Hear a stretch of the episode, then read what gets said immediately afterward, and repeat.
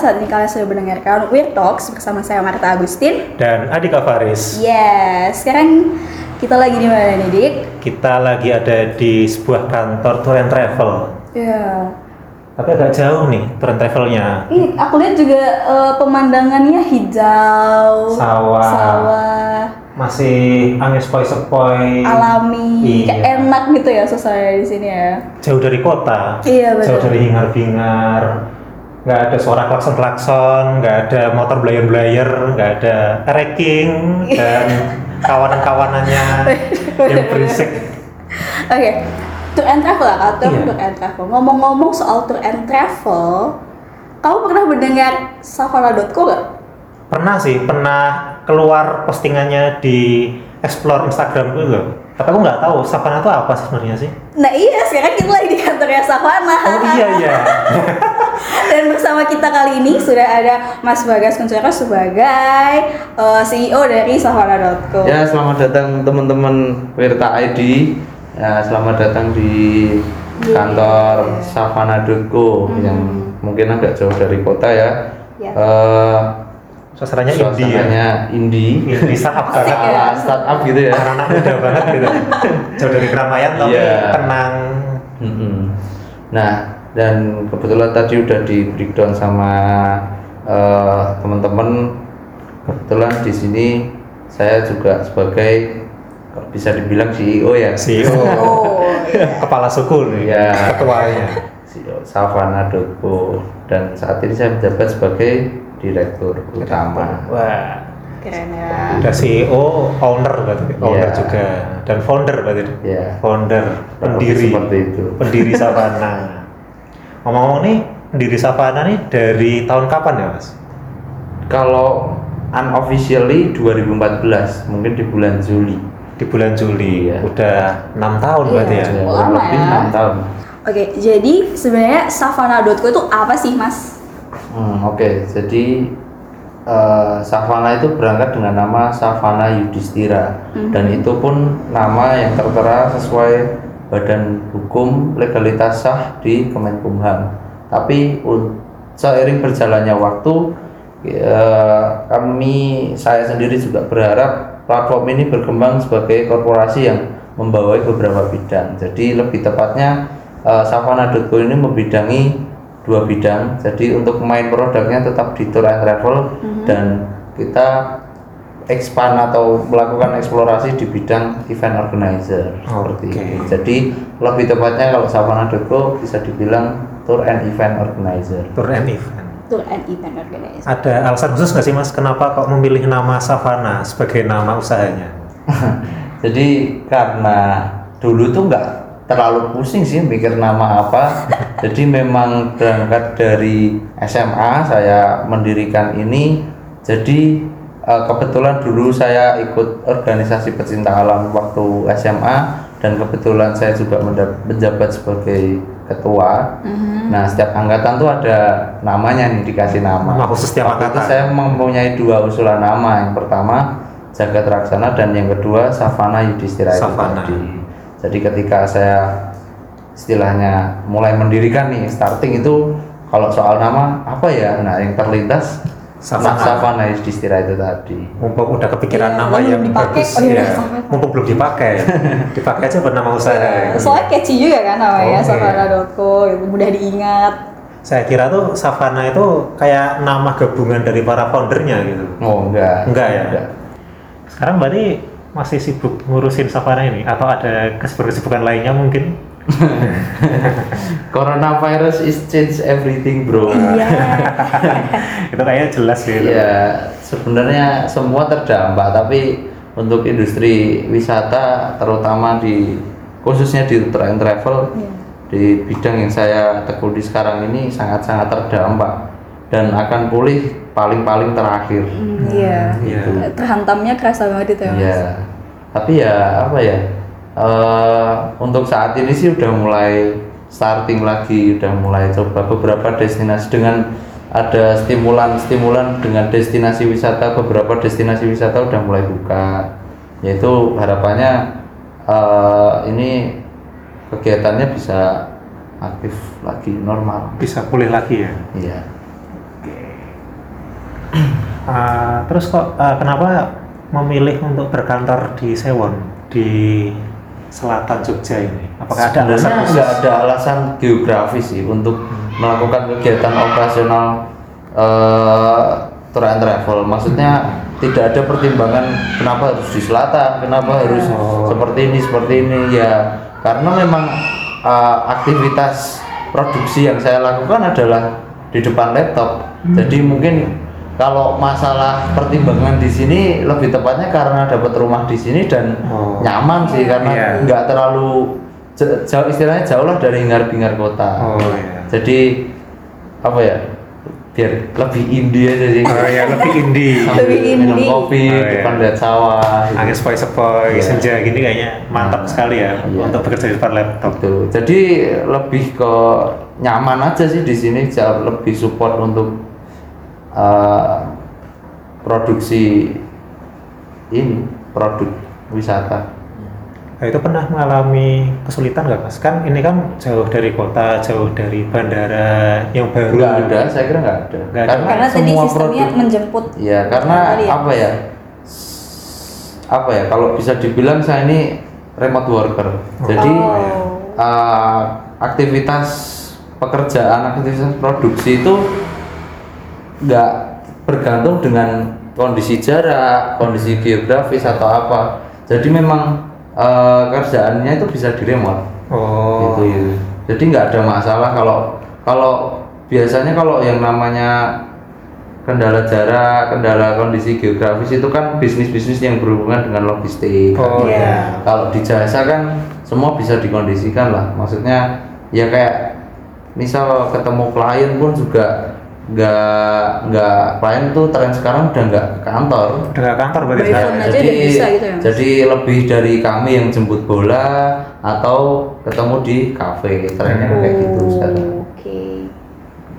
Berarti Jadi emang- saya kira nggak ada masalah-masalah seperti itu sih. Jadi sekarang udah nggak pernah semisal uh, klien, uh, calon klien gitu ke kantor sudah nggak ada berarti sekarang ya? Udah nggak ada. Udah nggak ada. Lebih ke ya itu tadi jemput bola atau Bola. ketemu di suatu kafe Mhm. gitu, sambil minum kopi Hmm. santai. Iya. Oke, kenapa aku penasaran nih? Gimana? Kenapa Wow. memilih mendalami bisnis tour and travel agencies? Oke, jadi eh, kenapa tour and travel? Karena memang mungkin kembali ke pembicaraan awal tadi, eh, aku starting bisnis ini sebenarnya mungkin kalau dibilang nggak sengaja bisa aja sih. Jadi karena memang suka main, eh, akhirnya main-main-main sering main di diajak temen nganterin ke sana ke sana ke sana jadi tahu eh, destinasi itu di mana aja. Kira-kira secara teknis itu kalau dalam berwisata apa aja sih misal kendala, tips and triknya apa segala macam, timing, manajemen. Nah, jadi aku learning by doing dari hal-hal seperti itu. Akhirnya kepikiran kenapa nggak main Sekalian. travel gitu dan start coba di rolling, coba di uh, apa ya istilahnya mulai dikit-dikit lah dari grup mulai grup kecil sampai akhirnya grup gede dan enjoy aja sih jalaninya dan peluang bisnis. Tapi aku mau nambahin sih, agak out of topic tapi kenapa tour and travel? Sebenarnya agak konyol untuk di era sekarang ini membuka bisnis tour and travel karena gini. Tour and travel itu adalah bisnis yang ketika eh, berdiri ketika eh, ber- berdiri, Berdiri. itu kompetitornya udah jelas. Oh iya. Jadi gini, kalau Savana.go nih sebagai Iya. platform tour and travel muncul eh, kompetitornya tuh udah jelas. Hmm. Nggak usah sebut merek ya, Iya. tapi Iya. eh, apa namanya startup startup maksudnya online market kayak apa itu nanana.com, Iya. loka.com. Itu udah nah jelas itu itu sebenarnya di era sekarang ini cukup mendisrupt offline market. Hmm. Di satu sisi juga start bisnis yang tour and travel yang lagi starting harus dihadapkan dengan eh, unicorn-unicorn seperti mereka. Oh, Nah iya. itu challenge-nya cukup berat sebenarnya di situ. Tapi kenapa saya masih yakin? Ya karena yakin. Karena yakin. Iya. Karena dari hobi awalnya. Ya karena emang seneng dan eh, apa ya istilahnya ikhtiar dan berdoa dan pasti yakin ada jalannya. Iya. Nanti kalau mau ngobrolin secara spesifik, spesifik lagi itu nanti bisa diobrolin. Ini lanjut dulu aja. Oke, sih. Apa tour and travel alasannya kayak gitu? Oke. Tapi dia merambah ke ini juga kan, ke event. Karena seneng dan yakin. Iya, itu tadi. Berapa ke event? Hmm. Karena seneng dan yakin juga di event. Ya kalau itu beda Atau- lagi. Beda ya? Beda. Jadi kan sebenarnya event itu adalah perpanjangan tangan dari Savana juga karena gini seiring ini kalau bisa dibilang se- seragam ya seragam. Jadi nggak yang apa ya mayak gitu juga enggak. Hmm, Karena iya. industri event itu cukup berdekatan dengan tour and travel. Karena kan emang kenapa sampai kepikiran buka event organizer juga karena eh, klien-klien di tour- di tour itu kadang kan sekarang tren sekarang misal institusi A institusi non bisnis A eh, melak- mengadakan tour katakanlah Jogja Tour jadi ada dinner Oh, nah iya. jadi ada semacam farewell party berangkat dari situ kok akhirnya oh kok kayaknya potensial ya kayak gini daripada dilempar keluar juga selagi kita kap- punya kapasitas untuk mengorganisasi itu itu. akhirnya kita bikin gitu Bikin itu. dan akhirnya juga beberapa klien eh, masuk juga awalnya juga kita tour and travel kok dikasih project event gitu loh masa Oh. Iya. kalau nolak kok wong dia udah percaya gitu Iya. kalau kan terkesan nggak profesional akhirnya oke kita kita pegang pak Hmm. kita bantu dan beberapa institusi besar Kliennya nggak main-main loh Iya. di websitenya kalau Udah kita gede lihat. ya, Iya. gede. dan alhamdulillah beberapa institusi besar udah kita handle Wah. Masih ingat nggak eh, klien yang event itu yang pertama dari mana? Masih ingat nggak? sebut merek gak apa-apa ya kalau ini ya Nggak apa sebut merek ya? Enggak. Akademi Militer Magelang Wah. Wah. Udah segede itu. Iya. Klien pertama Klien padahal. pertama pertama.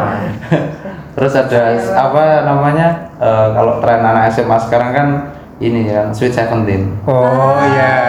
Ah, itu di handle juga sama Iya. sama. Wah. Oke. Jadi eh ini tadi kan kenapa milih tour and business? Iya. Monggo loh Mas silahkan. Lalu untuk ya proses dari awal terbentuknya kan tadi sendiri gitu. Iya. ada yang membantu kok misal siapa Sebenarnya ya gimana? jadi gini itu perjalanan bis- perjalanan bisnis saya itu dulu Savana berdiri itu sebenarnya atas prakarsa dua orang. Oh, dan ya dan sebenarnya waktu itu masih iseng-iseng nggak. Jadi belum yang namanya tertulis di badan hukum sebagai direktur dan komisaris. Aku sebagai direktur dia komisaris itu belum ada. Jadi memang mulai bareng-bareng. Tapi akhirnya eh, karena terpisah jarak dan ko- apa kondisi apa kendala waktu Iya. akhirnya kita ini misah. Bisa. dan temanku yang dulu ikut mendirikan ini pun udah punya sendiri Oh, iya. di Semarang. di Semarang. Iya. Jadi sekarang Jadi sekarang apa ya? Kalau sempat dalam perjalanan eh, menuju 2020 ini eh, banyak orang-orang yang sudah mewarnai savana Wah. itu. untuk kepegawaiannya sendiri sekarang gimana sistemnya?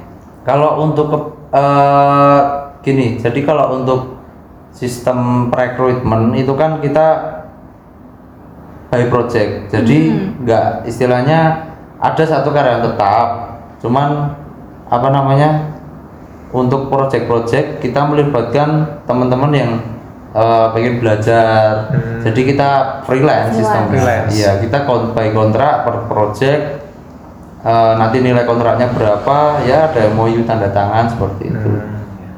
jadi eh, nggak ada beban karyawan yang terlalu banyak gitu loh Hmm. karena kita butuh by project aja Kalau kayak gitu, apakah ada semacam kesulitan kesulitan gitu mas? Kan apa namanya orang-orangnya selalu berbeda tiap project kan berarti. Gimana caranya kayak bangun chemistry, lalu mungkin Me- menyatukan visi iya kayak untuk gitunya.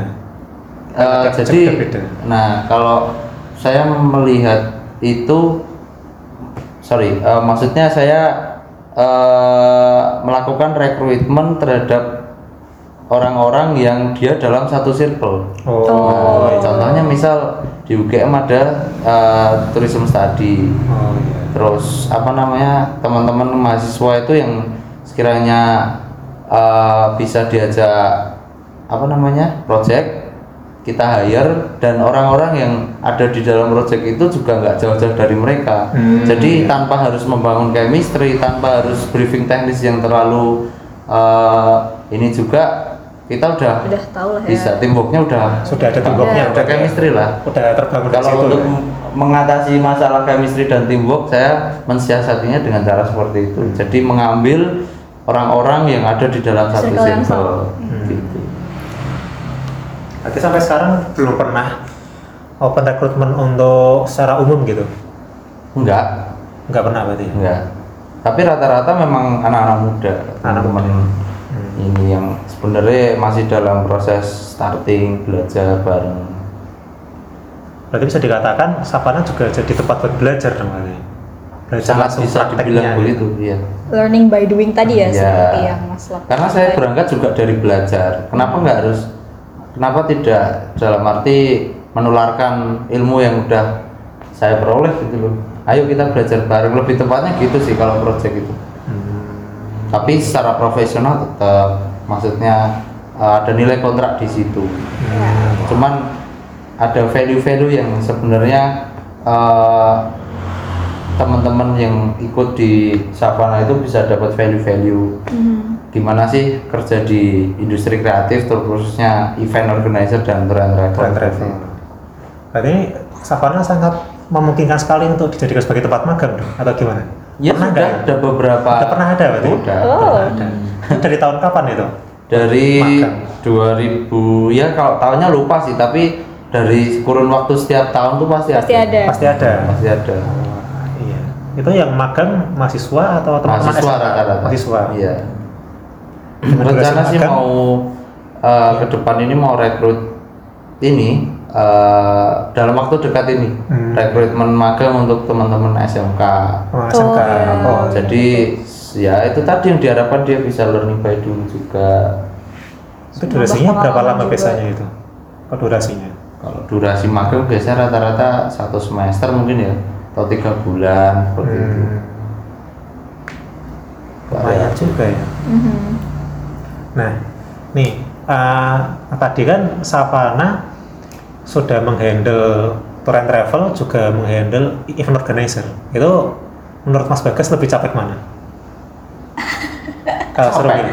Ya, capek mana? Kalau capek nggak ada sih kata capek karena kita apa ya eh, running bidang ini juga atas dasar eh, hobi dan kemauan. Hmm, Jadi kalau capek nggak ada kerjaan yang dibilang nggak capek gitu. iya. Capek ya pasti capek gitu. Iya. Tapi kalau memilih antara dua itu nggak ada yang bisa dipilih. Tapi dipilih. main produknya tour and travel. Tapi Oh. suruh milih nggak bisa. nggak bisa. Nggak bisa. Nah, Pas misal apa namanya memegang sebuah event skala mungkin di mall misal nih, milih Hmm. antara event di mall atau menghandle trip family gathering kantor empat bis misal. Nah gitu.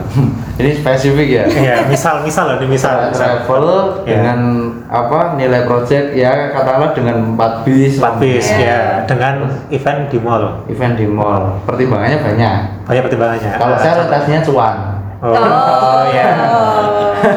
ya juga ya, betul ya juga. tapi juga belum tentu dengan memberangkatkan tour dengan kapasitas 4 bis dibandingkan dengan mall nilai kontraknya terus banyak yang 4 bis itu belum tentu Iya. juga Belum tentu juga ya. belum tentu juga emang siapa tahu juga yang ngadain event di mall itu siapa ya misal travel lokal bikin acara Oh, iya. ke Oh, kita iya juga sih. mungkin nilai kontraknya besar ya saya senang tuh nggak ada event itu Berarti- kita kecilan tapi Berarti banyak pertimbangan-pertimbangan di Iya. dalam. Pertimbangan. Pertimbangannya Pertimbangannya banyak banyak. nilai kontraknya besar Oh iya. nggak kelihatan itu yang tahu cuma apa internal Oh iya.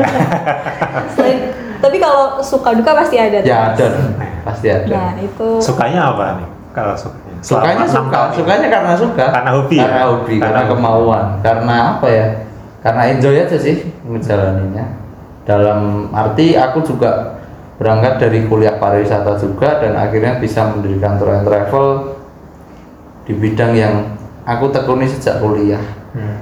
dan bisa terrealisasi. Kalau dukanya apa ya? Dukanya sepertinya udah aku coba. Ah, tadi aku udah ngomong, mungkin tak breakdown lagi sih. Yaitu challenge-nya cukup besar di industri tour and travel Persaingannya harus besar persaingannya. selalu update, selalu inovasi produk. eh apa ya? Di saat market-market online itu mendistrap online offline market, Iya. di situ kita yang harus survive. Hmm. Jadi kalau aku gini, sebenarnya dalam beberapa waktu terakhir ada semacam forum group discussion di dinas pariwisata yang eh, kurang lebih benang merah dari FGD itu adalah mempermasalahkan keberadaan startup atau online market eh, platform-platform online seperti yang nggak usah disebutkan mereknya. Iya. dan keberadaan-keberadaan mereka itu cukup mendistrap pemain-pemain tour and travel lama gitu offline offline t- travel agent gitu. Jadi kan identik yang namanya dulu itu travel agent itu identik dengan jualan tiket. Oh Iya. terus kantor-kantornya ada stiker-stikernya airline itu. Ngampoknya Nah, gede gitu ya. sekarang keberadaan eh, di era sekarang teknologi maju eh, bahkan setiap orang juga udah mulai belajar teknologi. Nah banyak value-value yang kemudian merubah kondisi tersebut. Misal kecenderungan orang sekarang pesan tiket itu udah nggak harus ke travel agent. Iya. jadi udah lewat platform aplikasi seperti itu tadi. Dan ada value-value yang tidak bisa didapatkan di travel agent offline. Dalam arti seperti ini. Misal di apa eh, online travel agent juga misal udah kamu booking aja nanti kalau nggak jadi bisa di refund. Iya. walaupun ini Iya, bisa di betul, betul, betul. itu yang mungkin tidak didapatkan di travel agent offline. Yang offline. ya travel agent lama lah kalau bisa dibilang gitu nah ini banyak sekali permasalahan-permasalahan yang seperti itu eh, kemudian dikeluh kesahkan lah Hmm. tapi kalau saya melihat itu dengan perspektif apa ya? eh, kalau memang kalian itu me- merasa secara kapasitas eh, kurang mampu bersaing, kalau Savana ini lebih fokus ke grup. Jadi tour and travel yang memfokuskan eh, pada pekerjaan-pekerjaan institusi bisnis maupun non bisnis eh, dalam arti fokus ke grup-grup besar di mana iya. grup- grup-grup besar dengan hal-hal seperti itu eh, itu adalah market yang tidak bisa dijangkau oleh Iya, benar. eh, travel agent offline seperti itu. Iya. Jadi kan mereka eh, sasaran mereka market mereka kan end user atau bisa dibilang orang perorangan gitu. Hmm, Tapi iya. dia tidak bisa Melayani tidak mampu mengakomodir untuk klien besar, Iya. grup besar gitu. Nah di situlah aku eh, fokusnya ke situ gitu. Kalau terlalu mempermasalahkan itu ya ayal-ayalan mungkin entah sampai kapan. Tapi kan kita gimana caranya sih udah bisa celahnya istilahnya challenge-nya itu kira-kira kita bisa main di mana gitu. Kita masih bisa main di mana Iya. Hmm. seperti itu. Ini sebenarnya rahasia pabrik. Oh iya. Bukan bukan rasa Kita pabrik. Iya. Pak Gabirto juga tahu dong berarti tentang info yang sangat berharga ini. Kalau untuk ngurus apa ngehandle grup besar gitu susah nggak sih mas? Kayak gimana kayak koordinasinya? Susahnya gini, sebenarnya juga itu masalah quantity dan quality. Kalau mau curhat, aku pernah handle cuma 50 orang. Iya. Tapi orang-orang di dalam itu orang-orang berpengaruh semua. Wah. Di mana ada intervensi protokoler yang harus seperti ini, seperti Iya. ini. Bahkan ada ya. satu tamu di situ yang VIP guestnya itu ada beberapa VIP guest per guestnya aja udah ada dua orang pengawal pribadi dan tiga Iya. ajudan seperti itu. Wah. Jadi belum tentu ketika dibuat perbandingan rasio eh, 4 bis seperti itu tadi yang pernah disebutin tadi 4 bis dengan anak sekolah atau 50 orang tapi orang berpengaruh semua. Itu beda. Sangat beda ya. sangat beda.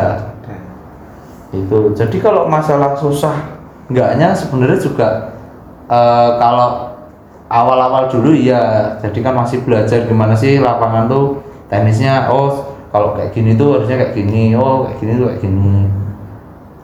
Ya itu tadi sih. Kadang intervensi protokoler atau intervensi peraturan-peraturan yang lain itu ketika kita sudah punya SOP kadang harus berimprovisasi Iya. gitu. Tapi semua aman sih. aman sampai sekarang ya lancar Saat sejauh ini nggak ada masalah yang cukup berarti lah. Hmm. ada emang udah ada jalannya ya Iya, udah yakin dari awal. Iya. Ah, lalu gini, ah, kan dalam membangun sebuah bisnis toilet travel ini kan pasti juga butuh semacam jejaring kan ya, butuh Network. link-linknya, Hmm. networknya. Kan nggak mungkin awal kita bikin toilet travel langsung dapat klien kan ya. Nah, Iya. kalau boleh tahu tuh apakah ada semacam cara atau mungkin apa ya tips atau Iya, trik gitu biar Kiat-kiat kiat-kiatnya promosi, gitu. apa gimana? Itu Sebelum pertanyaan ini. yang menarik sih sebenarnya. Maksudnya sebelum membuka usaha tour and travel itu ada dapetin linknya dari mana sih gitu? Hmm, jadi ya, ya itu pertanyaan menarik sebenarnya. Karena apa ya? eh, keberadaan akses networking untuk memulai sebuah usaha itu kan memang penting gitu. Iya. Dan saya berangkat dari yang namanya eh, apa ya? Bener-bener nggak ada relation sama sekali. Jadi memang bener-bener apa ya? Aku nggak istilahnya ini bukan PT Bapak dalam Oh, arti iya. PT Bapak itu Iya. ya nggak usah diperpanjang lah. Iya. Jadi memang aku pure berangkat dari yang namanya mendirikan sendiri, ngasih nama sendiri, eh, sampai membangun networking juga sendiri. Apa ya? eh, kalau pertanyaannya Eh, istilahnya gimana? Gimana caranya? membangunnya? Iya. Ya dengan cara-cara teknis, dengan langkah-langkah marketing ya offering, jemput-jemput bola. Dan sebenarnya apa yang saya lakukan dari awal itu adalah metode offline marketing. Jadi offline marketing itu dalam arti seperti ini. Eh, kita memulai dengan servis kita dulu, pelayanan kita dulu itu dibuat bagus. Karena kalau orang Jawa bilang ketika itu nanti bagus, sistemnya akan getok tular. Getok tular itu mulut ke mulut. Hmm, Nah, jadi iya. untuk menerapkan itu adalah dengan memulai dimulai dari pelayanan yang bagus. Hmm. Jadi misal nanti kita lagi handling klien A eh, dan kita bisa memberikan servis yang bagus, otomatis eh, ketika nanti temennya rekanan atau siapa "Oh, itu Savana bagus Rekomendasi. gini, gini." Rekomendasi. tanpa kita melakukan Ya. apa pun juga itu sebenarnya udah dari mulut ke mulut itu tadi sebenarnya itu cukup efektif awal-awal itu Mhm. Jadi memang eh, memulai dengan pelayanan yang benar-benar bagus dan konsistensi itu. Hmm. Karena apa ya di industri jasa itu khususnya tour and travel untuk show up produk kita tuh sebenarnya juga agak susah. Jadi Oke. memang eh, by doing seperti itu kita ngasih service bagus, akhirnya rekomendasi itu bagus apa bagus apa bagus. Nah akhirnya kan terbangun networkingnya Hmm. dan nggak belum nggak cukup dari itu juga dong tentunya. Jadi memang ada langkah-langkah marketing setelah itu juga eh, ketika kita siap dengan aset-aset kita, kita siap dengan portofolio kita, kita offering, offering itu penawaran ngasih penawaran. Ayo eh, akhir tahun Bang A mau piknik ke mana ya Pak? Ya Pak, Oh, sama. iya. Dan semua ke institusi bisnis non bisnis. Jemput bola berarti. Tapi lucunya Ya. itu belum saya lakukan sama sekali sampai saat ini berjalan enam tahun. Hmm.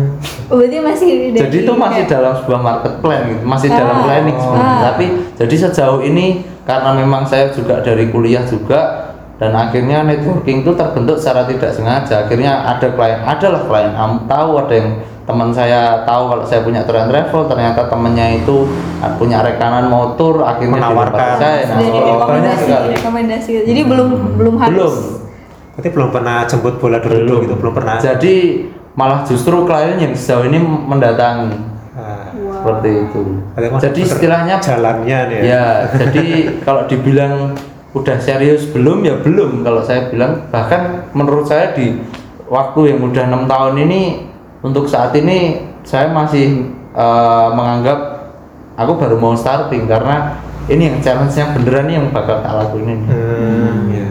itu Kalau misal kami nih pengen bikin merintis Hmm. usaha tour and travel, Iya. ada nggak sih skill khusus yang dibutuhkan atau gimana atau apa sih yang, harus kita gitu. tekankan? Ya, skill spesifiknya apa sih? gimana ya untuk memulai tour and travel itu sebenarnya nggak ada yang perlu ada istilahnya skill khusus atau harus expert dalam hal ini asalkan mau belajar suka main Hmm. ah, tahu time manajemennya bagus terus apa ya kemampuan network apa teamworknya juga bagus saya kira itu sudah jadi modal yang cukup untuk membangun Hmm. grand travel Oke. seperti itu Ah, terus berbicara modal nih kan kalau dari saya pribadi kan pernah dengar ada cerita ada orang yang punya bisnis usaha tour and travel tapi dia sendiri itu nggak punya aset apa-apa. Jadi cuma bikin semacam presentasi lalu brosur pokoknya hanya bahan-bahan untuk Ya, promosi. Itu aset itu? Itu aset itu maksudnya? aset. Saya Oh, kalau di tour and travel yang seperti itu sudah termasuk aset itu aset? berarti? Aset. Meskipun belum punya Brosur, mungkin presentasi. bis belum punya kendaraan gitu Loh, Savana ini nggak punya armada sama sekali kita nggak ada investasi oh armada transportasi sama sekali kita juga rekanan oh Jadi memang kita membuat kontrak dengan penyedia transportasi, dengan penyedia akomodasi.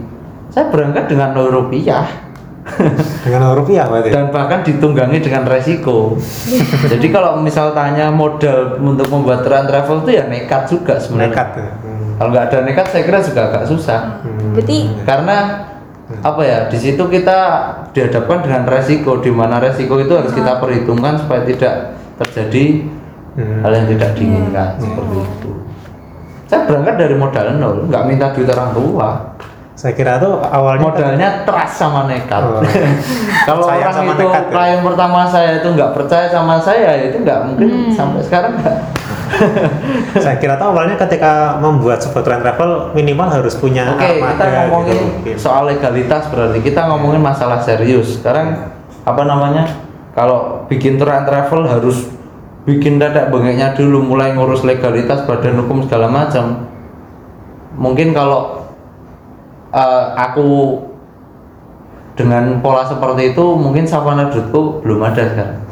Mungkin nggak jadi bikin. belum eksis ya mungkin Karena sekarang ya eh, ketika orang mau memulai sesuatu, otomatis kan trial error dulu. oh iya Jadi apa namanya? Kalau nunggu harus bikin legalitas secara badan hukum eh, apa ada dikeluar akta notaris sampai nanti siupnya keluar apa segala macam, saya kira itu cukup menghambat proses startingnya. Jadi mulai dulu aku benar-benar mulai tanpa ada modal sedikit pun. Jadi memang modal trust dan dan nekat itu tadi. Berarti meskipun hanya membentuk membuat semacam presentasi brosur itu udah cukup? Sudah saya kira ya untuk untuk golongan awal ya bisnis tour and travel seperti itu sudah jadi aset gitu. tinggal Sudah nanti aset. gimana tinggal pengembangannya realisasinya, tinggal relevansinya seperti apa. Dapetin trust dari klien juga. Ya karena challenge yang besar di bisnis tour and travel itu adalah membangun trust Hmm. membangun kepercayaan gimana sih kita bisa meyakinkan klien kalau kita pelayanan kita tuh bagus Oh, seperti itu oke. dengan apa yang paling efektif sejauh ini yang saya tahu cuma satu portofolio portofolio Iya. Kita lihat tadi juga di website ya sama Nah. Niko portofolionya udah deret-deret iya dan ternyata wah ini meyakinkan banget nih ternyata Iya. travel Nah, dari dari itulah. kliennya dari portofolionya Hmm. Jadi sekarang itu membangun trust itu nggak hanya sekadar membentuk atau membangun sebuah kantor berarti ya. Mulai dari portofolio aja udah cukup berarti ya sebenarnya. Ya enggak ya belum cukup. Tapi itu poin nomor satu adalah ketika mau berkembang itu ya portofolio, Portofolio. nomor satu. Nomor satu. iya. Portofolio di mana portofolio itu benar-benar kita itu ngasih ngasih apa ya memberikan informasi bahwa kita bisa mendelivery kalau produk dan pelayanan kita itu bagus Hmm. Nah itu dari portofolio. Makanya kalau Savana itu punya kanal YouTube, punya website, punya Instagram. itu sebagai portofolionya ya itu ya Nah sebagai termasuk ownernya. iya itu saya juga aset dalam perusahaan saya sendiri. iya Karena apa ya saya sebagai motor untuk membuat itu semua. sebagai penggeraknya. Nah, sebagai penggerak, sebagai motor. Ya kalau nggak ada motornya nggak jalan, kalau nggak ada saya juga Iya, iya, jalan. benar-benar. stuck di tempat Gitu. ya Sebenarnya orang kadang lupa sama diri sendiri. iya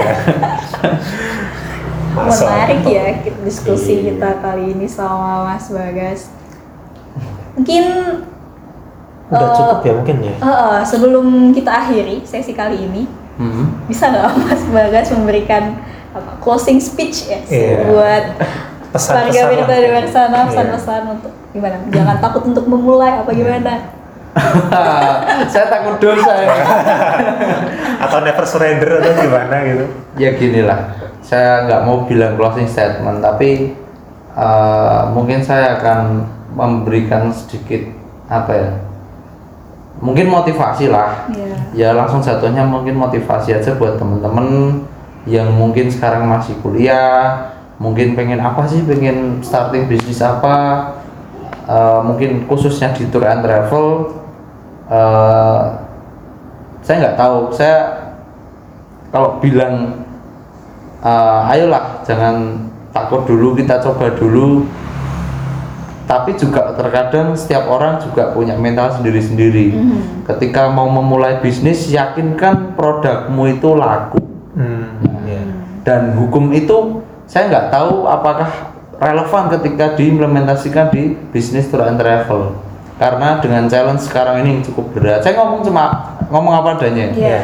tapi gini di balik semua kepahitan itu ketika kalian yakin mampu berinovasi saya yakin kalian juga mampu untuk bersaing.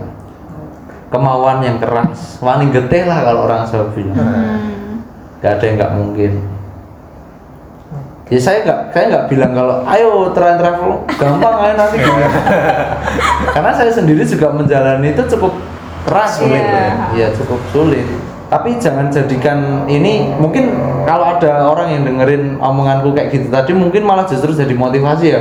Ya po nah kayak gitu? Saya suka orang-orang kayak gitu. Tertantang ya. Nah, Iya. jadi nggak saya yang terlalu daki-daki ngasih, oh, ayo mari menjadi Iya. peng- young entrepreneur, kita buka bisnis terang travel pasti laku kalian jadi cepet kaya, udah biasa kayak gitu. Aha.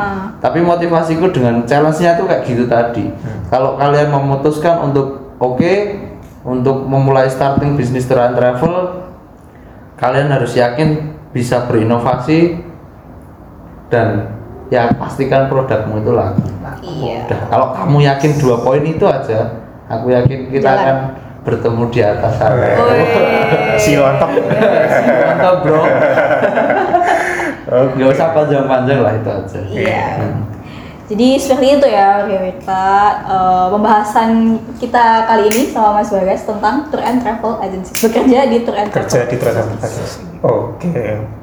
Jangan lupa untuk terus mengikuti info-info dari Wirta ID baik di Instagramnya, Mediumnya, apalagi di Spotify-nya ini nanti. Iya jangan lupa follow Instagram Wirta di @wirta ID. ID. Sekian Terima kasih. yang- yang dapat bisa kita sampaikan hari ini. Marta sama Dika pamit. See you next time. See you.